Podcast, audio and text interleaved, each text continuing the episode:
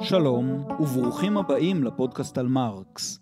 אני יפתח גולדמן, פרק 29, האוטופיה של מרקס. לפני שנתחיל היום, אני רוצה לספר לכם על טקסט חדש וראוי לקריאה. אתם זוכרים שלפני כמה חודשים המלצתי על תרגום חדש לטקסט של מרקס שהוציא טל מאיר גלעדי? הספר נקרא לביקורת הכלכלה המדינית, מבוא והקדמה. לאחרונה התפרסם ברשת מאמר ביקורת על תרגום זה מאת פרופסור צבי טאובר. צביקה אהב את התרגום החדש ממש כמוני, אבל מה שיותר חשוב, במאמרו הוא מאיר כמה היבטים חשובים של שני הטקסטים שאותם תרגם גלעדי.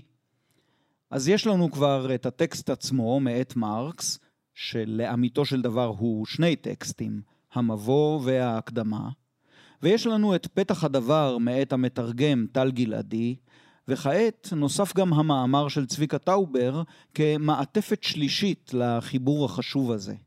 וכל אלה ביחד מזמנים לקורא הנאה אינטלקטואלית, ומה שיותר חשוב, צוהר להבנת הגותו של מרקס.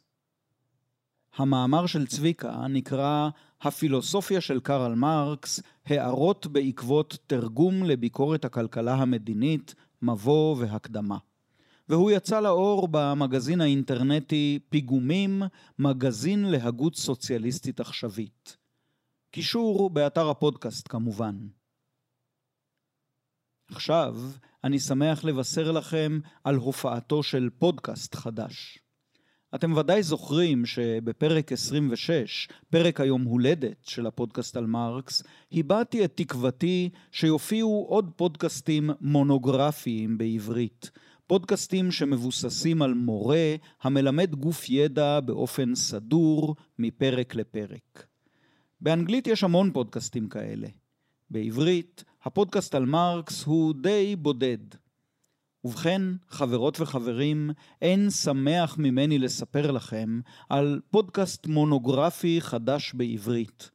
שם הפודקאסט הוא תולדות המין הכלכלי. מגיש אותו בכישרון רב חן עירון, והוא עוסק בהיסטוריה של מדע הכלכלה, ובעיקר באופן שבו מסתכלים הכלכלנים על בני אדם. עד כה יצאו בפודקאסט טריילר קצר ומצוין, ושני פרקים שהם בעצם פרק אחד שחולק לשניים. נהניתי מאוד להאזין, ואני מזמין את כולכם להצטרף אליי בפרקים הבאים. צריכים קישור? אשים אחד בדף הפודקאסט על מרקס. ועכשיו, האוטופיה של מרקס. אלה מכם היודעים משהו על אודות מרקס והמרקסיזם, מבינים שכבר במתן הכותרת הזאת, אני מסבך את עצמי בצרות. בבית הקברות הייגייט שבלונדון, מתחילה האדמה לרעוד כשמרקס מתהפך בקברו. עבור מרקס, המילה אוטופיה שימשה ככינוי ביקורתי, כמושג שיש בו בעיקר שלילה ורק שמץ חיוב. יותר מפעם אחת בכתביו, מרקס מבהיר את הסתייגותו הנחרצת מכתיבת אוטופיות. והנה אני בא, ובמסגרת הפודקאסט על מרקס, מכתיר פרק בכותרת הפרובוקטיבית, האוטופיה של מרקס. יש כאן לכן כמה וכמה דברים שצריך להסביר במסגרת עבודת ההכנה לדיון עצמו. ראשית, מה זה בכלל אוטופיה? בשונה מהרבה מושגים מתחום התיאוריה והפילוסופיה הפוליטית, לגבי המושג אוטופיה אין שום אי בהירות בשאלה מי הראשון שאמר אותו. למרות שזו מילה ביוונית עתיקה, היא לא הייתה קיימת עד לשנת 1516, שבה אנגלי אחד בשם תומאס מור המציא אותה ככותרת לספר שכתב, וכשם לציוויליזציה הדמיונית המתוארת בספר הזה. הספר אוטופיה, אגב, קיים בעברית בשני תרגומים מצוינים, הפך לבסט סלר בעת פרסומו. זכרו שבראשית המאה ה-16 רק מעטים מאוד היו משכילים דיים כדי לקרוא את אוטופיה ולדון בו, אבל המשכילים האלה בארצות שונות של אירופה הצפונית בהחלט דנו עליו ובהתלהבות רבה. בספר של תומאס מור יש שני חלקים. החלק הראשון מתאר שיחה דמיונית שהתנהלה לכאורה בעיר אנטוורפן שבארצות השפלה בין תומאס עצמו, חברו פטר גיד, ודמות מסתורית בשם רפאל היטלודאוס. חלק זה של אוטופיה מציג בפיו של רפאל היטלודאוס ביקורת חריפה על הסדרים החברתיים, הכלכליים והפוליטיים באירופה של אותם ימים. החלק השני של הספר הוא מונולוג ארוך שבו רפאל היטלודאוס מפרט באוזני תומאס ופטר את הסדרים הנהוגים בציוויליזציה משגשגת ומאושרת השוכנת אי שם אל מול חופי פרו. שם האי ושם המדינה הוא אוטופיה. אגב, פירוש המילה אוטופיה הוא לא מקום או שום מקום, או אם תרצו, ארץ לעולם לא, של פיטר פן. יש עוד המון מה להגיד על החיבור הזה של תומאס מור, ואולי פעם באיזה פודקאסט אחר שלא יעסוק במרקס, אקדיש לו פרק או שניים. אבל עכשיו אני כופה על עצמי לעצור. כבר אמרתי על ספרו של תומאס מור כל מה שנחוץ לדעת עליו על מנת להבין את הפרק הזה של הפודקאסט על מרקס. רוצים לדעת עוד? לפני קצת יותר מעשר שנים הוצאתי ספרון קטן שנקרא הקיבוץ כאוטופיה. שני הפרקים הראשונים שלו רלוונטיים לנושא שלנו היום. קישור באתר כמובן. כפי שאמרתי, הספר של תומאס מור היה להיט, והוא טבע את המושג אוטופיה, וגם יצר ז'אנר ספרותי של כתיבת אוטופיות. במאות השנים שאחרי מור, רבים וטובים שלחו ידם בכתיבת אוטופיות. הנה כמה דוגמאות מפורסמות. הנזיר האקצנטרי תומאסו קמפנלה כתב את האוטופיה עיר השמש, או מדינת השמש, תלוי בתרגום. איש החצר הבריטי פרנסיס בייקון, לא פרנסיס בייקון הצייר, כתב את האוטופיה אטלנטיס החדשה. הסוציאליסט האמריקאי אדוארד בלעמי כתב את האוטופיה במבט לאחור, והסוציאליסט האנגלי ויליאם מוריס ענה לו באוטופיה חדשות משום מקום. אגב, שתי האוטופיות הללו השפיעו על אוסקר ויילד, שכתב את חיבורו הסוציאליסטי היחיד, נפש האדם בסוציאליזם. תרגום לעברית של הספר יצא לאור בתחילת שנת 2023 בהוצאת נמלה. המתרגם דותן ברום. נחזור אל מחברי האוטופיות ונזכיר רק עוד אחד, הלא הוא תיאודור הרצל, האוטופיה של הרצל, אלטנוילנד או ארץ ישנה חדשה, מוכרת בשמה כמעט לכל בוגר של מערכת החינוך הישראלית, אולם למרבה הצער כמעט אף אחד לא קורא אותה. נתקדם עוד צעד הלאה. קרל מרקס ופרידריך אנגלס, בפרק השלישי של המניפסט הקומוניסטי, שאותו לא קראנו במסגרת הפודקאסט, העניקו לכמה הוגי דעות סוציאליסטים שקדמו להם את השם הקולקטיבי סוציאליזם וקומוניזם אוטופיסטי ביקורתי. שם זה קוצר בהמשך דרכו של המרקסיזם לסוציאליזם אוטופי. מעניין לציין שההוגים שאותם מנו מרקס ואנגלס ברשימה דווקא לא כתבו אוטופיות, או לפחות לא חשבו שהם כותבים אוטופיות. כפי שאמרתי קודם, בפיהם של מרקס ואנגלס הביטוי סוציאליזם אוטופי הוא ביטוי שוללני בעיקרו, עם שמץ חיוב בתוכו. מרקס ואנגלס טענו שהסוציאליסטים שקדמו להם הגו רעיונות נשגבים, אבל לחלוטין לא מחוברים למציאות הכלכלית, החברתית והפוליטית בזמנם, ועל כן לחלוטין לא מעשיים, לא ניתנים ליישום. לעומת הרעיונות האלה, מרקס ואנגלס כתבו, או חשבו שהם כותבים, סוציאליזם מדעי, אשר יכול להנחות תנועה חברתית פוליטית של מעמד הפועלים במאבק על השגת מטרותיה. אנגלס אף כתב ספר שכותרתו התפתחות הסוציאליזם מאוטופיה למדע. עכשיו אתם מבינים שכאשר אני בא ומכתיר פרק בשם האוטופיה של מרקס, אני בבעיה. איך ייתכן לייחס אוטופיה למתנגד החריף של הכתיבה האוטופית? ובכן, הסיפור הזה של מרקס, הסוציאליסטים האוטופיסטים והאוטופיה, הוא נושא מורכב מאוד, ואני מבטיח לייחד לו את אחד הפרקים הבאים של הפודקאסט על מרקס. בינתיים אסתפק בהצהרת כוונות, או ליתר דיוק בהבהרת כוונות. כשאני מדבר כאן על האוטופיה של מרקס, אני לא מתכוון למושג כאיזה תיאור של חברה אידיאלית שאיננה יכולה להתקיים עלי אדמות. למה אני כן מתכוון? ובכן, ראינו כבר שמרקס מתאר לנו איך הפרולטריון הולך ומתפתח מבחינה ארגונית ותודעתית כמעמד מהפכני.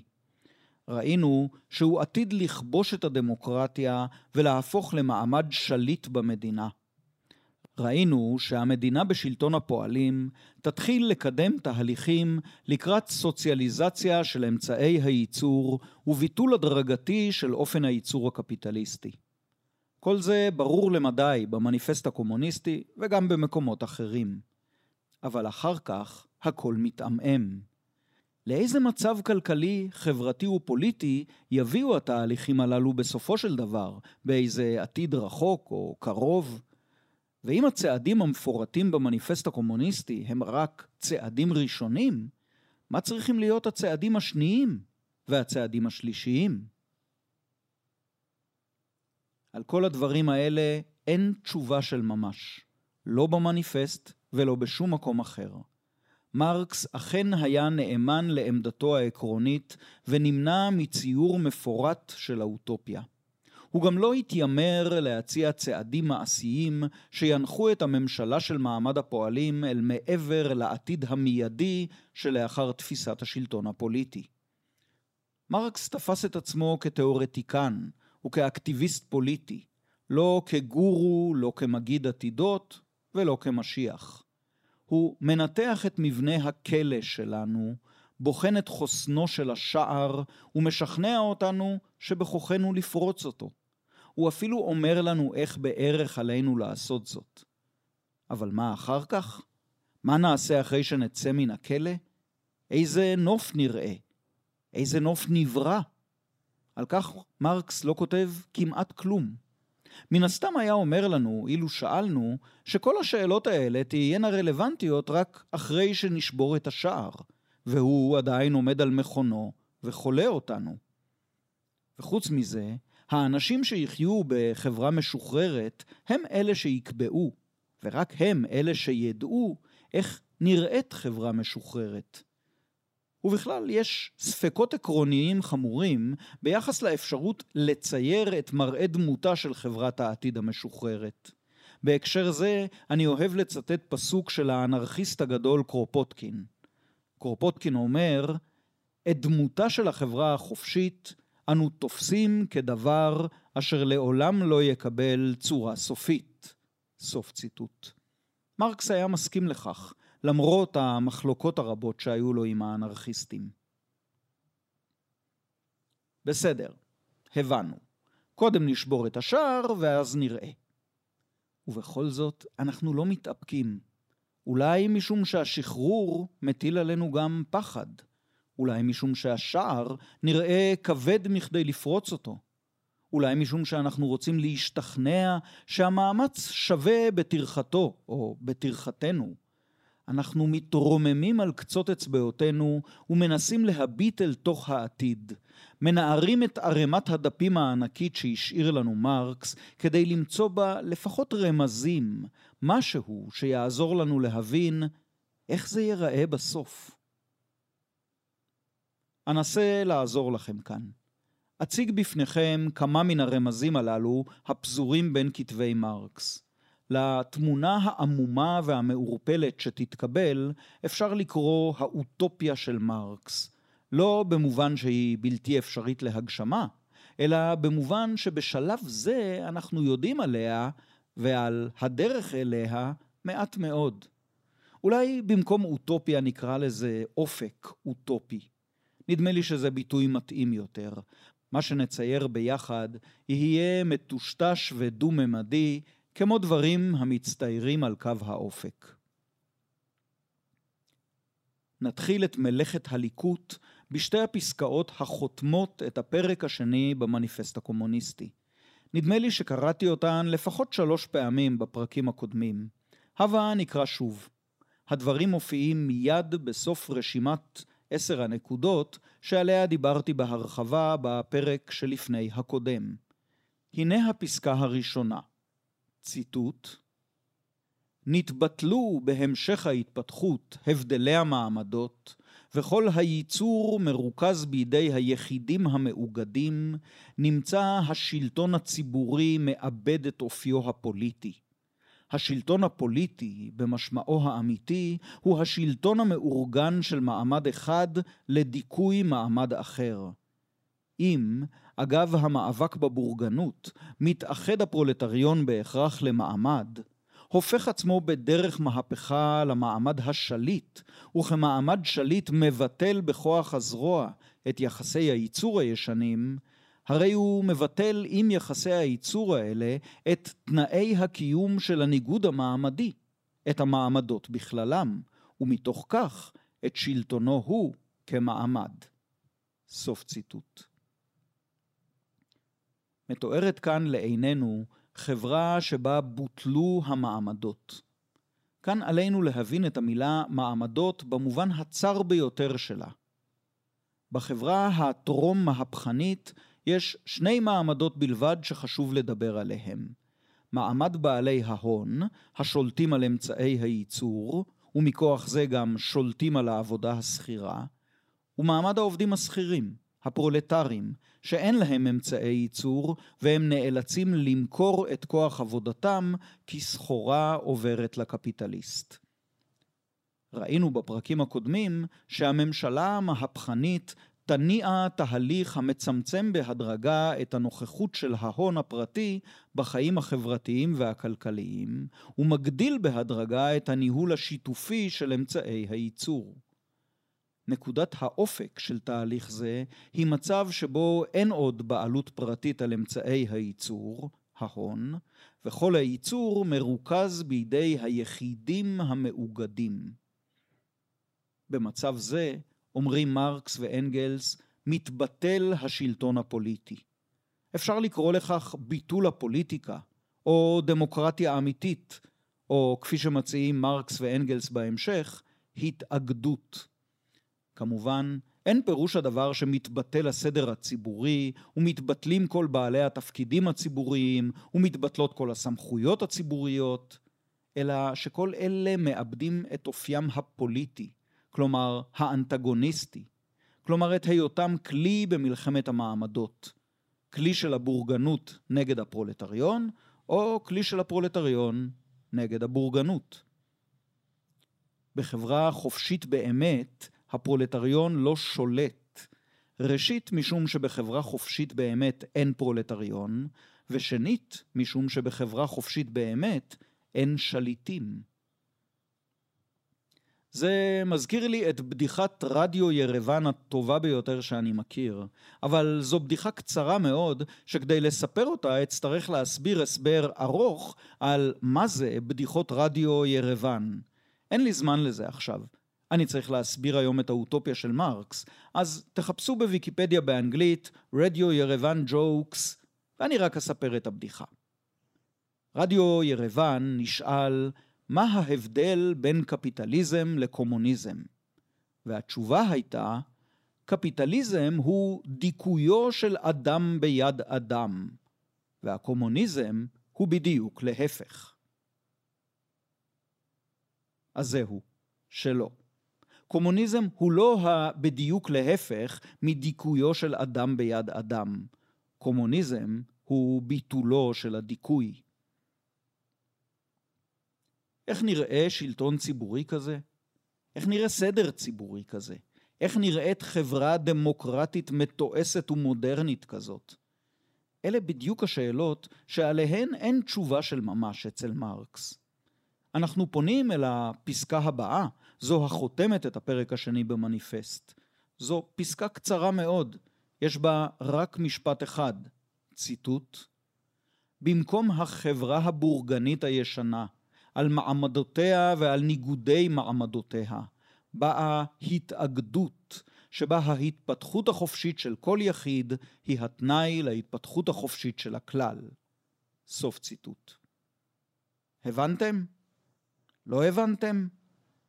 גם אני לא. מה שקראתי הרגע הוא הרבה יותר שירה מאשר תיאוריה פוליטית.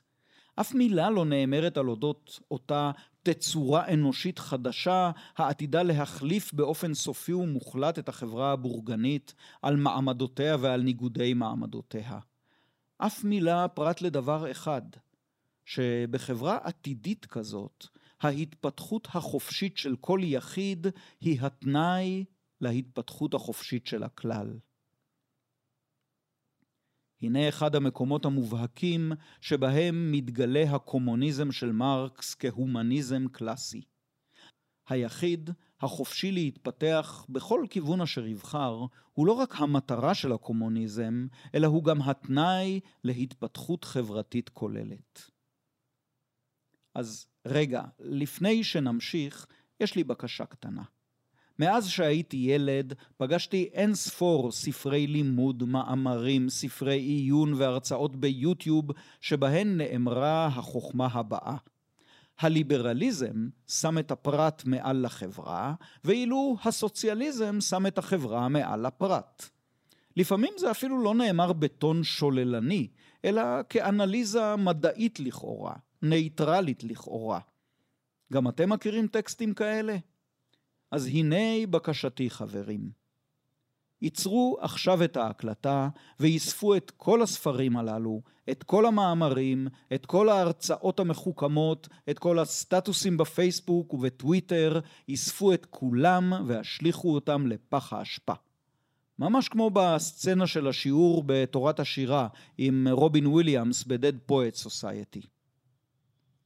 וזה לא שאי אפשר להגיד דברים מורכבים, ביקורתיים ואפילו שוללניים על יחסו של הסוציאליזם אל הפרט ואל החברה. בהחלט אפשר.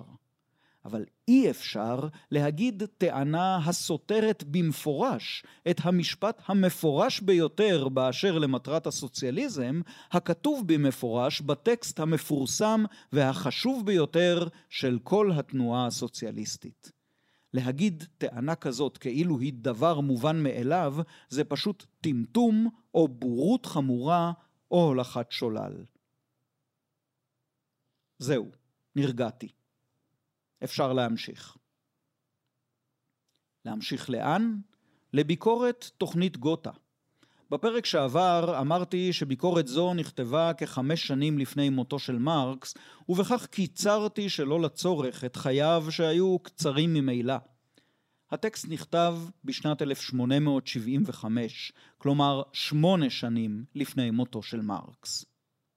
באותה שנה נתכנסו בעיר גותה שבגרמניה נציגים של שתי תנועות סוציאליסטיות גרמניות, האגודה הכללית של הפועלים הגרמנים, מיסודו של פרדיננד לסל, ומפלגת הפועלים הסוציאל דמוקרטית, שייסדו אוגוסט בבל ווילהלם ליבקנכט, תלמידיו של מרקס. אני פותח כאן דיגרסיה די ארוכה כדי להסביר לכם במה מדובר. למרות שזה הפודקאסט על מרקס, ולא הפודקאסט על ההיסטוריה של הסוציאליזם בגרמניה, אני סוטה למשעול צדדי ומבטיח שני דברים. ראשית, שהטיול יהיה מעניין, ושנית, שנחזור בסוף אל הדרך הראשית.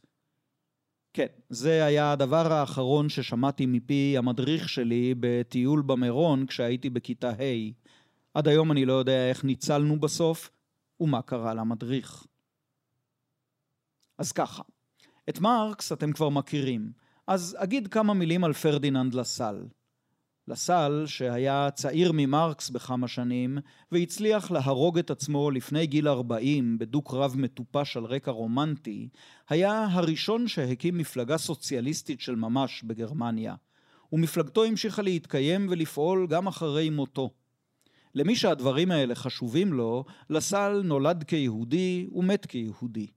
הוא קבור בבית הקברות היהודי בברסלאו, היום פולין ואז פרוסיה. מרקס, כידוע, היה אלוף העולם בהרס מערכות יחסים. כמו עם פרודון, כמו עם ארנולד רוגה, כמו עם בקונין, גם עם לסל, מרקס יצר ידידות נלהבת שהפכה בהמשך הדרך לזלזול ארסי ולטינה. אני לא הפסיכולוג של מרקס, אבל אילו הייתי הפסיכולוג של מרקס, היינו לבטח מתעכבים כמה פגישות על הדפוס החוזר הזה באישיותו. מכל מקום, מרקס ישב בלונדון, ובעיקר קרא ספרים וכתב, בזמן שלסל ארגן פועלים וסוציאליסטים בגרמניה. אבל מראשית שנות ה-70 של המאה ה-19, גם למרקס היו תלמידים בגרמניה. וילהלם ליבקנכט ואוגוסט בבל היו המרכזיים שבהם. הם ייסדו בגרמניה את מפלגת הפועלים הסוציאל דמוקרטית ועמדו בקשר מכתבים רצוף עם לונדון, כלומר עם מרקס ובעיקר עם אנגלס. אבל חוץ מזה שהם היו תלמידים של מרקס, הם גם היו פוליטיקאים סוציאליסטים הפועלים באימפריה הגרמנית שזה עתה נולדה. פרוסיה הפכה לקיסרות גרמניה בשנת 1871, והם מנסים לקדם את הסוציאליזם. אגב, אולי שמתם לב לכך שהמפלגה שייסדו תלמידיו של מרקס נקראת המפלגה הסוציאל דמוקרטית. ובכן, באותם שנים, ועד אחרי מלחמת העולם הראשונה והמהפכה הקומוניסטית ברוסיה, מפלגות שקיבלו פחות או יותר את עקרונותיו של מרקס, קראו לעצמן סוציאל דמוקרטיות. כך למשל, מפלגתו של ולדימיר איליץ' לנין נקראה מפלגת הפועלים הרוסית הסוציאל דמוקרטית. אני מדגיש את העניין גם לשם מניעת אי הבנות, אבל גם כדי להביא עוד ראיה, אמנם לא כבדת משקל, למחויבות העקרונית של מרקס ושל תלמידיו לדמוקרטיה. ובכן, בשנת 1875 שתי התנועות הסוציאליסטיות הללו, זו של תלמידי לסל וזו של תלמידי מרקס, נפגשות בעיר גותה כדי לעשות את הדבר ההגיוני ביותר מבחינה פוליטית, להתאחד. הם מנסחים טיוטה של תוכנית או מצע שעליו תיבנה מפלגת פועלים סוציאליסטית גרמנית מאוחדת. לתלמידיו של הסל אין את מי לשאול, משום שהרב שלהם נהרג עשר שנים קודם לכן. אבל תלמידיו של מרקס שולחים את הטיוטה ללונדון כדי לקבל הערות ממרקס ומאנגלס. רוצים לנחש? הפעם ניחשתם נכון. מרקס קטל את טיוטת המצע קטילה שיטתית פירק אותו פסקה אחרי פסקה ולא הותיר אלא איי חורבות. הוא טען שבבל וליבקנכט נכנעו להבלים התאורטיים של הסל. הוא כתב אמנם שכל צעד שיש בו משום תנועה ממשית חשוב יותר מתריסר פרוגרמות, וזה ציטוט, אולם הוסיף שבמקרה זה טעות היא לחשוב כי אותה הצלחה לשעה של האיחוד לא נקנתה במחיר יקר מדי. סוף ציטוט. למרבה המזל, אוגוסט בבל ווילהלם ליבקנכט לא נבהלו מן הביקורת של מרקס, והמפלגה המשותפת, הלא היא המפלגה הסוציאל דמוקרטית של גרמניה, היא-היא ה-SPD המפורסמת, יצאה לדרך. שלוש שנים מאוחר יותר, המפלגה הוצאה אל מחוץ לחוק על ידי הקנצלר של גרמניה, אוטו פון ביסמרק. נחזור אל מרקס. היחס הצונן שלו כלפי תוכנית האיחוד קשור במשהו שאמרתי בפרק שעבר. טענה שאולי הדהימה כמה מכם או זעזעה אחרים. אמרתי שם שמרקס לא היה מנהיג חשוב של תנועת הפועלים או של הסוציאליזם. לא היו לו הסגולות הנחוצות למנהיג או לפוליטיקאי. הוא היה איש של תיאוריה, מרקס, והביקורת התיאורטית שכתב ביחס לטיוטת המצע היא אולי עדות לכישלון בתחום הריאל פוליטיק, אך בה בעת זהו מסמך תאורטי ואפילו פילוסופי חשוב. המצע עצמו, שהתקבל לבסוף לאחר תיקונים קלים, נזנח ונשכח מזמן. אבל הביקורת שכתב מרקס הפכה לאחד הטקסטים החשובים בארון הספרים המרקסיסטי. היום קוראים לטקסט הזה, שנכתב כמכתב פרטי ולכן לא נשא כותרת, ביקורת תוכנית גותה. ולפעמים ביקורת מצע גותה, תלוי במתרגם. אגב, קיימים היום לפחות שבעה חיבורים של מרקס הנקראים כחיבורים נפרדים, הנושאים את המילה ביקורת, Kritik, בכותרת שלהם. זה בוודאי אומר משהו על הכותב. זהו. אלו היו 600 מילים של דיגרסיה, וכעת אני חוזר אל נושא הפרק שלנו, האוטופיה של מרקס, או האופק האוטופי שלו.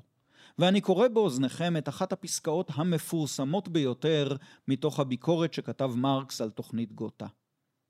ההקשר, מרקס מדבר ממש כפי שדיבר שלושים שנה קודם לכן במניפסט הקומוניסטי, על המדינה המהפכנית, שהיא מעין יצור כלאיים או שלב מעבר בין המדינה הבורגנית לבין החברה הקומוניסטית החופשית של העתיד.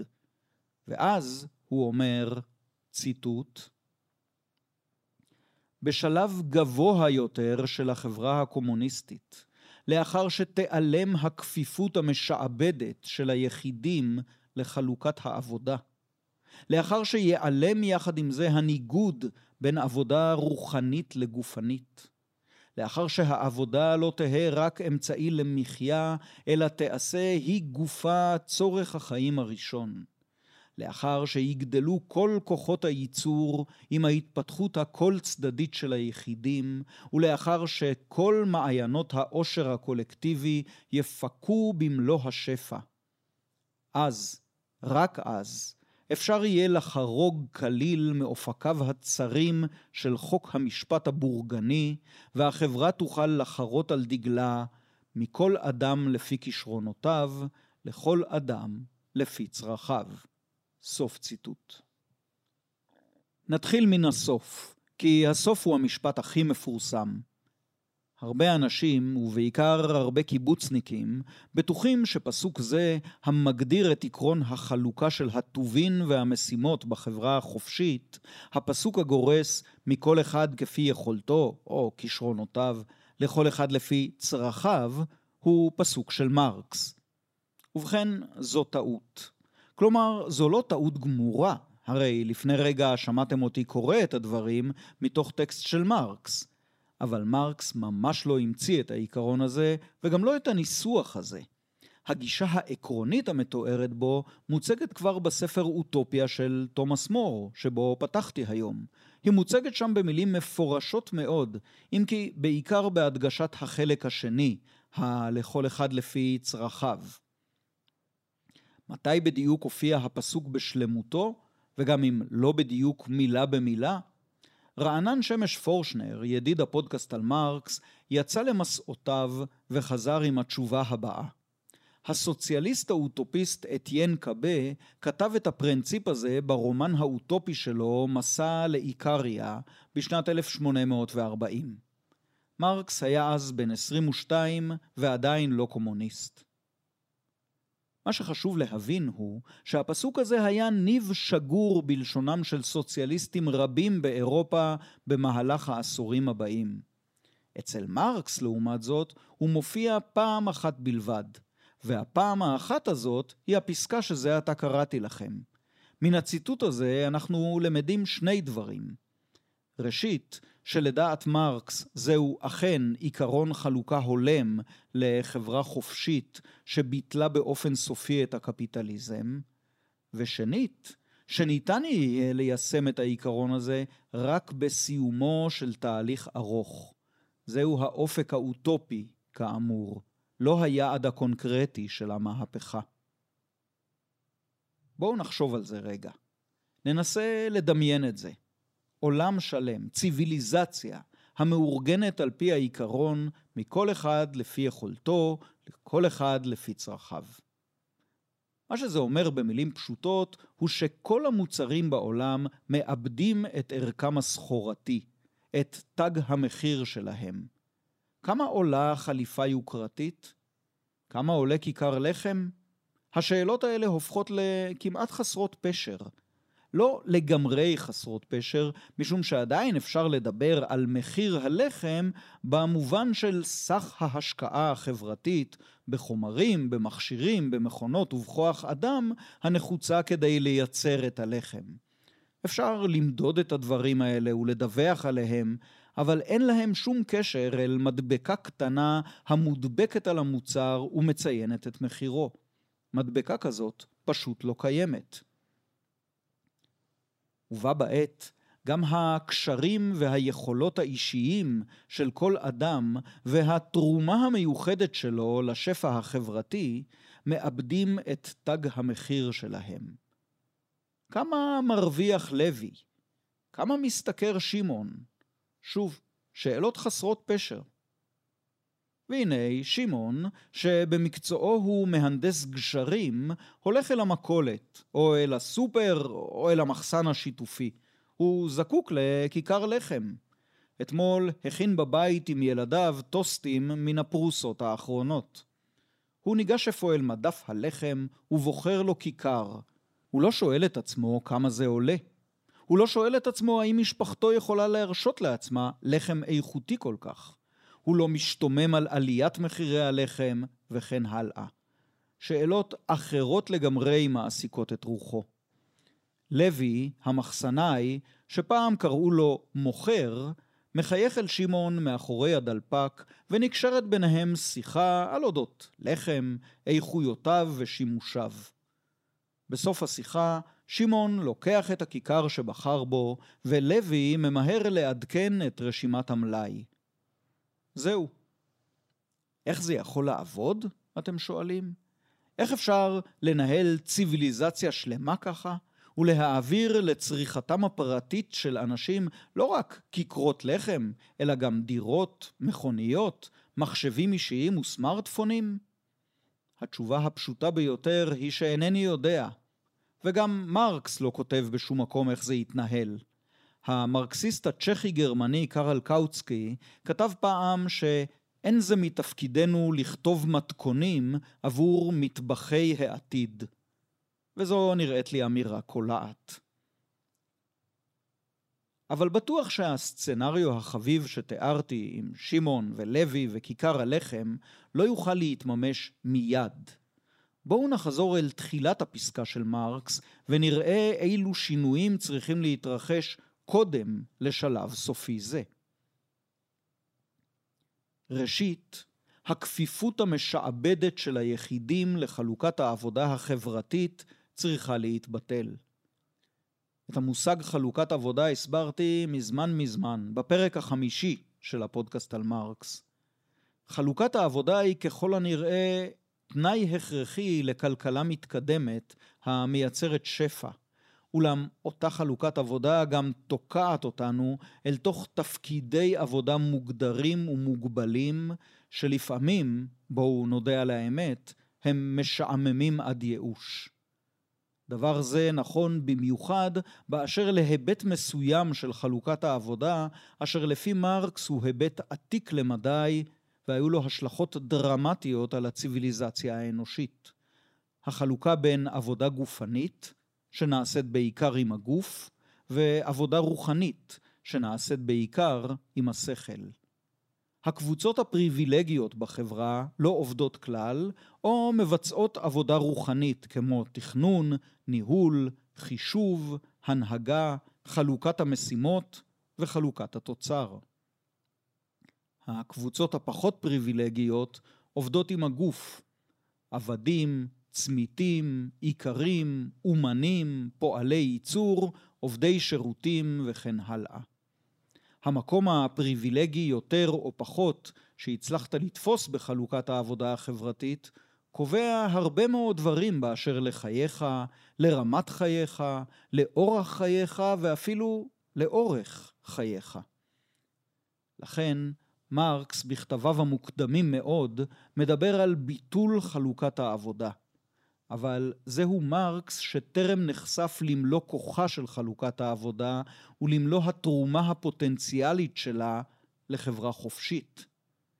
חברה חופשית לפי מרקס יכולה להתקיים רק כחברת שפע, ושפע מחייב תיעוש, וטכנולוגיה, ויישומים מדעיים לתהליך הייצור, וכל אלה מחייבים, כך נראה, חלוקת עבודה חברתית משוכללת. לכן מרקס הבוגר, מרקס של תוכנית גותה, לא מדבר על ביטול חלוקת העבודה. הוא אומר משהו מדויק יותר, ציטוט, לאחר שתיעלם הכפיפות המשעבדת של היחידים לחלוקת העבודה, לאחר שיעלם יחד עם זה הניגוד בין עבודה רוחנית לגופנית. סוף ציטוט. כלומר, לא חלוקת העבודה צריכה לעבור מן העולם, אלא הכפיפות המשעבדת לחלוקת העבודה.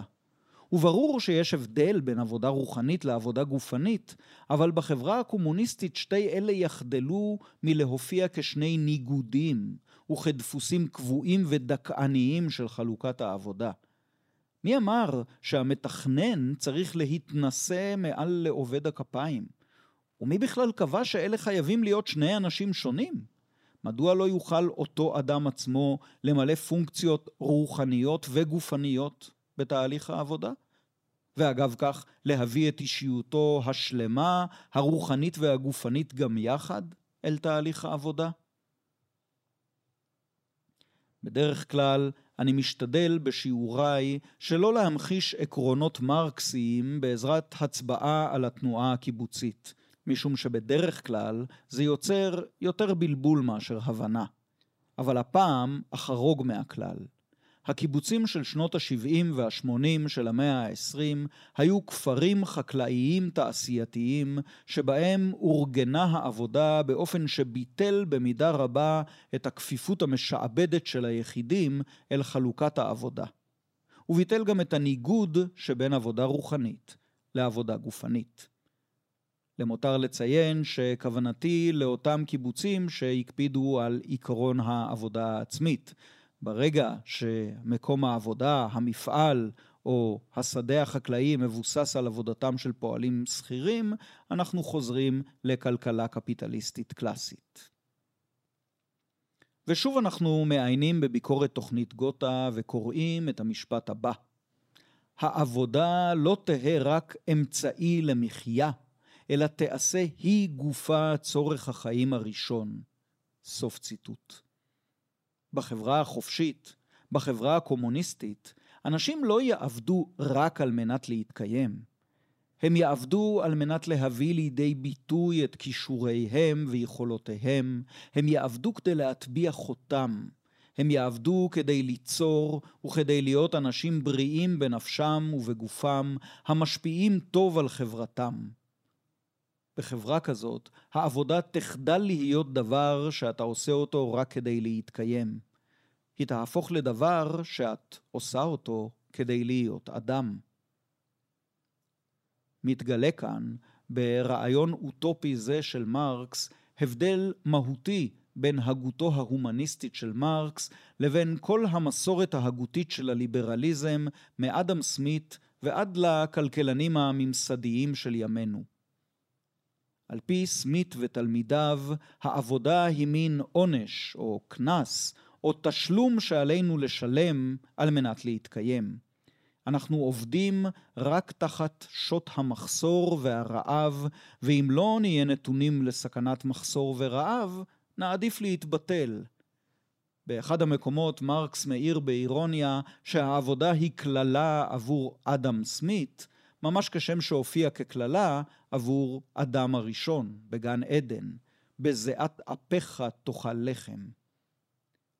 לדעת מרקס, העבודה היא אכן קללה כשהיא מפרכת, משעממת, מכלה את הכוחות ואינה מותירה פנאי ואנרגיה לשום דבר אחר. אבל העבודה לא חייבת להיות כזאת, ובחברה הקומוניסטית היא לא תהיה כזאת. ובתנאי עבודה נאותים, שבהם העבודה תתבע מאיתנו מאמץ סביר, תהיה מעניינת, ולא תנצל את כל אנרגיית החיים שלנו, בני האדם יגלו מחדש את העבודה כמקום להגשמה עצמית, ליצירה, להתפתחות, לחדוות העשייה ולחדוות הנתינה. ומה עוד? ובכן, בני אדם מפותחים יותר, מבטאים באופן שלם יותר את אנושיותם, את מהותם האנושית. אבל פרט לכך הם גם כוח ייצור גדול יותר. לכן כל כוחות הייצור יתפתחו, ציטוט, עם ההתפתחות הכל צדדית של היחידים וכל מעיינות העושר הקולקטיבי יפקו במלוא השפע. סוף ציטוט. הנה היא חברת השפע שעליה דיברתי קודם לכן. כשיתמלאו כל התנאים הללו, תיעלם הכלכלה הקפיטליסטית הנצלנית והאנטגוניסטית ושונאת האדם, ותוחלף בכלכלה שיתופית והומניסטית. אז, רק אז, תוכל החברה להתנתק באופן סופי מן השיטה החברתית, המשפטית והפוליטית של הקפיטליזם, ולחרות על דגלה את עקרון החלוקה הסוציאליסטי, מכל אחד כפי יכולתו, לכל אחד לפי צרכיו. בהתחשב בעובדה שאני מדבר כבר הרבה יותר מאלף מילים על פסקה לא מאוד ארוכה של מרקס, אולי מזל שמרקס מיעט כל כך לכתוב פסקאות אוטופיות שכאלה. אבל הבטחתי להביא בפניכם לקט מקיף, ולכן איננו יכולים לעצור כאן. יש עוד שני מקומות שאני רוצה לבקר בהם. הראשון הוא הפרק השביעי מתוך כתבי היד הכלכליים פילוסופיים שכתב מרקס בשנת 1844. עסקנו בטקסט הזה בעיקר בפרק הרביעי שלו, כשדיברנו על העבודה המנוכרת בפרקים 7 ו-8 של הפודקאסט על מרקס. כעת אנחנו חוזרים אליו. בהקדמה שכתב שלמה אבינרי לתרגום שלו לכתבי השחרות, הוא מציין בצדק שהפרק השביעי של כתבי היד מ-1844 הוא המקום המפורט ביותר, לאמיתו של דבר המקום המפורט היחידי, שבו מתאר מרקס איזו תמורה תתחולל בבני האדם בחברה הקומוניסטית. אך אבינרי לא נותן את דעתו על השאלה מדוע מרקס מדבר על כך רק בחיבור מוקדם זה. לדעתי מרקס לא ממש התכחש לרעיונות שכתב שם, אבל העדיף בהמשך דרכו שלא לכתוב באופן זה, שנראה כהכלאה בין פילוסופיה הגליאנית ומשיחיות הומניסטית. וכך, הפרק השביעי נותר לבדו ובחריגותו בתוך מכלול הגותו של מרקס. זה גם אחד הטקסטים הקשים ביותר לקריאה והקשים ביותר להוראה במכלול הגותו של מרקס. הוא רווי דיאלקטיקה הגליאנית והומניזם קלאסי ושאר מקורות השראה. קשה להבין את מרקס בפרק הזה, ובמקומות אחדים זה בלתי אפשרי, לפחות עבורי. אבל אולי הכלים של האנליזה המושגית מפספסים כאן משהו. אולי אנחנו צריכים לקרוא את הדברים האלה יותר כשירה ולא כתיאוריה. וכשירה זה יעיף לכם את המוח. טוב, לי זה מעיף את המוח, אני לא בטוח מה יקרה למוחותיכם שלכם. אז הנה דבריו של מרקס מן הפרק השביעי של פרקי היד הכלכליים פילוסופיים משנת 1844, וכמיטב המסורת של הפודקאסט על מרקס, בהשמטות ותיקונים פה ושם. תחזיקו חזק. הקומוניזם הוא רכישה אמיתית של המהות האנושית על ידי האדם ובשבילו. הוא אפוא שיבתו המודעת של האדם אל עצמו, כאל אדם חברתי, כלומר כאל אדם אנושי. קומוניזם זה הוא הפתרון האמיתי של הניגוד שבין האדם לבין הטבע, בין האדם לאדם. הוא הפתרון האמיתי למתיחות שבין הקיום לבין המהות, בין יצירת האובייקטים לבין המימוש העצמי, בין החירות להכרח, בין היחיד למין האדם. הקומוניזם הוא חידתה הפתורה של ההיסטוריה, המכירה את עצמה ככזו. וזה נמשך. בחברה הקומוניסטית, האדם רוכש לעצמו את מהותו הכל צדדית באופן כל צדדי, דהיינו כאדם שלם. כל אחת מהתייחסויותיו אל העולם, ראייה, שמיעה, הערכה, טעימה, נגיעה, חשיבה, התבוננות, הרגשה, רצייה, פעולה, אהבה, הרי הן בפעילותן האובייקטיבית, דהיינו בפעילותן המתייחסת אל האובייקט, בחינת רכישתו של אותו אובייקט. הקניין הפרטי עשה אותנו לטיפשים ולחד צדדיים עד כדי כך שאובייקט כלשהו הוא שלנו אך ורק כאשר הוא בבעלותנו, כאשר הוא קיים אם כן כקפיטל בשבילנו, או כשהוא מוחזק על ידינו במישרין, כאשר אנו משתמשים בו. ביטולו של הקניין הפרטי הוא אפוא האמנסיפציה השלמה של כל חושי אנוש וסגולותיו. הצורך וההנאה איבדו את טבעם האנוכי והטבע איבד את תועלתיותו גרידא בכך שהתועלת הפכה לתועלת אנושית. בדומה לכך, הפכו חושיו והנאתו של הזולת לרכישתי שלי עצמי. נוסף לתכונות הבלתי אמצעיות, נוצרות אפוא תכונות חברתיות בדמותה של החברה. למשל, הפעילות בחברותה עם אנשים אחרים נעשתה לאחד מביטויי החיים ולאחד האופנים של רכישת החיים האנושיים. החברה הקומוניסטית יוצרת בצורת מציאותה המתמדת את האדם בכל העושר הזה של מהותו. האדם העשיר בכל החושים לכל עומקם. סוף ציטוט. כשלמדתי היסטוריה באוניברסיטת תל אביב, הייתה לי מרצה, פרופסור עליזה ג'ינאו. בכל שיעור, בהתקרב שעת הסיום, היא הייתה עוצרת לפתע את שטף ההרצאה ומכריזה: רבותיי, קרובה ישועתכם לבוא. אז בטייק אוף סוציאליסטי על דבריה של פרופסור ג'ינאו, אבקש להכריז, חברות וחברים, קרובה ישועתכם לבוא. כי אני לא מתכוון לנסות אפילו להסביר ולפרש את מה שקראתי הרגע. בטח לא היום, אולי באיזה פרק בעתיד, אבל סביר יותר שלא. וזה גם לא יהיה בבחינה. אז זה פחות או יותר הסוף. יש רק עוד כמה פסוקים ושברי פסוקים הפזורים לאורך מכלול כתיבתו של מרקס, אבל רק עוד אחד שאני רוצה לקרוא באוזניכם היום. הקושי הוא שזה פסוק קצר עם קונטקסט נרחב.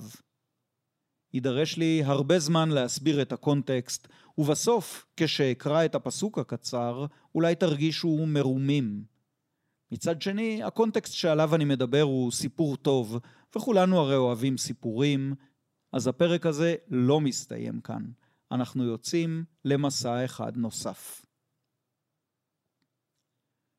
לפני שנים רבות חיה ברוסיה אישה צעירה, משכילה, מהפכנית ורבת פעלים. קראו לה ורה זסוליץ'. כשהייתה בת 29, היא ירתה במושל העיר סנט פטרבורג, הקולונל פיודור טרפוב, ופצעה אותו אנושות. למרבה הפלא, חבר המושבעים הסימפתטי פסק לטובתה של ורה. היה ברור שהשלטונות יאסרו אותה מחדש, יבטלו את המשפט וירשיעו אותה. יש להודות שבצדק. אבל ורה זסוליץ' לא חיכתה שזה יקרה. היא עזבה את רוסיה, היגרה לשוויץ והצטרפה אל גרגורי פלחנוב ופאבל אקסלרוד ואל עוד כמה אבות מייסדים של המרקסיזם הרוסי. ביחד הם הקימו את הקבוצה לשחרור העבודה, שהייתה התחלת ההתחלות של המרקסיזם ברוסיה. אלא שכאמור הם לא ישבו כלל ברוסיה, אלא בגולה. אגב, כעבור עוד עשור ומשהו, הצטרפו אליהם שלושה רדיקלים צעירים, יוליוס מרטוב, אלכסנדר פוטרסוב, ואחד ולדימיר איליץ' יוליאנוב, שחבריו קראו לו לנין. אבל נחזור אחורה. קומץ המרקסיסטים הרוסיים, וזסוליץ' בתוכם, יושבים בגולה. ברוסיה עצמה התנועה הסוציאליסטית הגדולה ביותר היו הנרודניקים וצאצאיהם הסוציאל רבולוציונרים. הם האמינו בעם הרוסי, ובפרט בעיקר הרוסי, וטענו שהאיכרים ברוסיה מורגלים בכפריהם לחיים קומונליים מקדמת דנא. הכפר הרוסי מאורגן באופן שיתופי, ולכן ממנו עתיד לצמוח הסוציאליזם ברוסיה. המרקסיסטים, או לפחות חלק מהם, אמרו שזה בלתי אפשרי. על מנת שתפרוץ מהפכה, רוסיה צריכה קודם לעבור תהליך של תיעוש וקפיטליזם והיווצרות פרולטריון עירוני שיישא את המהפכה על כתפיו. זה אומר שהכפר השיתופי הרוסי אמור להיכחד עוד בטרם יבשילו התנאים למהפכה. ורה זסוליץ', שהתחילה את דרכה כנרודניקית והלכה והתקרבה אל המרקסיזם, פנתה במכתב אל קרל מרקס הזקן, ושאלה לדעתו בסוגיה. מרקס ניגש לכתיבת התשובה במרץ ובשקדנות האופייניים לו. הוא כתב ארבע טיוטות שמכילות ביחד בתרגום לאנגלית כמעט 9,000 מילים. אך לבסוף הוא שלח לוורה זסוליץ' מכתב קצר בין כ-300 מילים בלבד, שבו לא התחייב לשום דבר ברור. לדעתי, הסיבה לכך היא שמרקס החליט באותה תקופה שעליו ללמוד לעומק את המצב ברוסיה. הוא גם למד רוסית לצורך כך. הוא העדיף לחכות לכן עם חוות הדעת המפורטת בנושא. הוא לא ידע אז שנשארו לו רק שנתיים לחיות והוא לא יספיק לערוך את המחקר שלו על רוסיה. מכל מקום, הטיוטות של מרקס נשמרו בארכיון שלו והן מרתקות. ובסוף הדיגרסיה הזאת נקרא מהן פסוק אחד ויחיד. אבל עוד קודם לכן עליי להציג בפניכם דמות נוספת, הפעם גבר ואמריקאי. הנרי לואיס מורגן היה ממניחי היסודות למדע האנתרופולוגיה. הוא חקר את המנהגים השבטיים והמבנים החברתיים והפוליטיים של האינדיאנים בני האירוקוי בצפון אמריקה. בשנת 1877 כלומר, ארבע שנים לפני הפנייה של זסולית של מרקס, הוא פרסם את ספרו הגדול "החברה הקדומה" The Ancient Society. מרקס וגם אנגלס קראו את הספר הזה בעניין רב מאוד, ודבריו של מורגן השפיעו עמוקות על מרקס וגם על הטיוטות שכתב בקשר לשאלתה של זסוליץ'. באחת הטיוטות הללו הוא מתמודד עם הטענה שהכפר הרוסי השיתופי הוא צורה חברתית ארכאית, ועל כן אי אפשר לשער שיהיה לו תפקיד במהפכה סוציאליסטית מודרנית. בהקשר זה, מרקס מזכיר את מורגן בלי לנקוב בשמו, וכותב כך: השיטה השוררת היום באירופה ובארצות הברית נמצאת בקונפליקט עם המוני הפועלים, עם המדע ואף עם כוחות הייצור שהיא עצמה בוראת. היא נתונה במשבר שיבוא אל סיומו עם חיסולה של שיטה זו, עם שיבתן של החברות המודרניות אל צורה גבוהה יותר של הדפוס הארכאי ביותר, בעלות משותפת וייצור משותף. סוף ציטוט. אגב, מורגן עצמו, שלא היה הוגה דעות גדול כמו מרקס, סיים את ספרו במשפט נלהב ומליצי בהרבה, ציטוט, תהיה זו תחייה בצורה גבוהה יותר של החירות, השוויון והאחווה של בתי האבות הקדומים. עד כאן הפודקאסט על מרקס להיום. אני יפתח גולדמן. אם אתם רוצים לדעת עוד על המכתב וטיוטות המכתב של מרקס לזסוליץ', תוכלו לקרוא על כך בספר שלי, הסוציאליזם בין פוליטיקה לאוטופיה. אם אתם רוצים לקרוא את הטיוטות עצמן במלואן, בתרגום לאנגלית, הן נמצאות בארכיב המרקסיסטי באינטרנט. קישור בדף הפודקאסט. רענן שמש פורשנר מבטיח לי שעד היום איש לא יצר תרגום שלם לעברית. ואם אתם רוצים לקרוא יותר על הקשר שבין הנרי לואיס מורגן ומרקס, כתבתי פעם מאמר שקצת עוסק בזה. גם כאן, קישור בדף הפודקאסט. תודה ליאיר סיטבון על המוזיקה ועל עריכת הסאונד. תודה לכם שהאזנתם.